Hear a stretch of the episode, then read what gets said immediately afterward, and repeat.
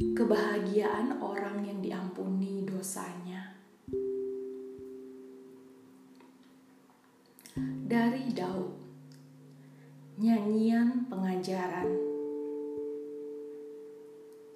Berbahagialah orang yang diampuni pelanggarannya, yang dosanya ditutupi. Berbahagialah manusia yang kesalahannya tidak diperhitungkan Tuhan dan yang tidak berjiwa penipu. Selama aku berdiam diri, tulang-tulangku menjadi lesu karena aku mengeluh sepanjang hari.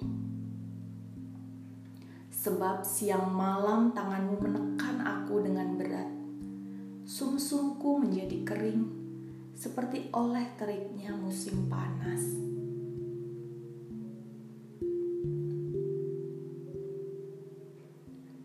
Dosaku kuberitahukan kepadamu, dan kesalahanku tidaklah kusembunyikan.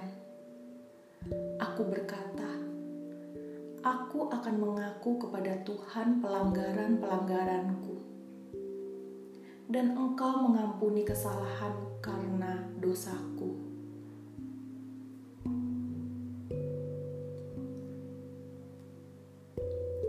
Sebab itu hendaklah setiap orang saleh berdoa kepadamu selagi engkau dapat ditemui. Sesungguhnya pada waktu banjir besar terjadi, itu tidak melandanya. Engkaulah persembunyian bagiku. Terhadap kesesakan engkau menjaga aku. Engkau mengelilingi aku sehingga aku luput dan bersorak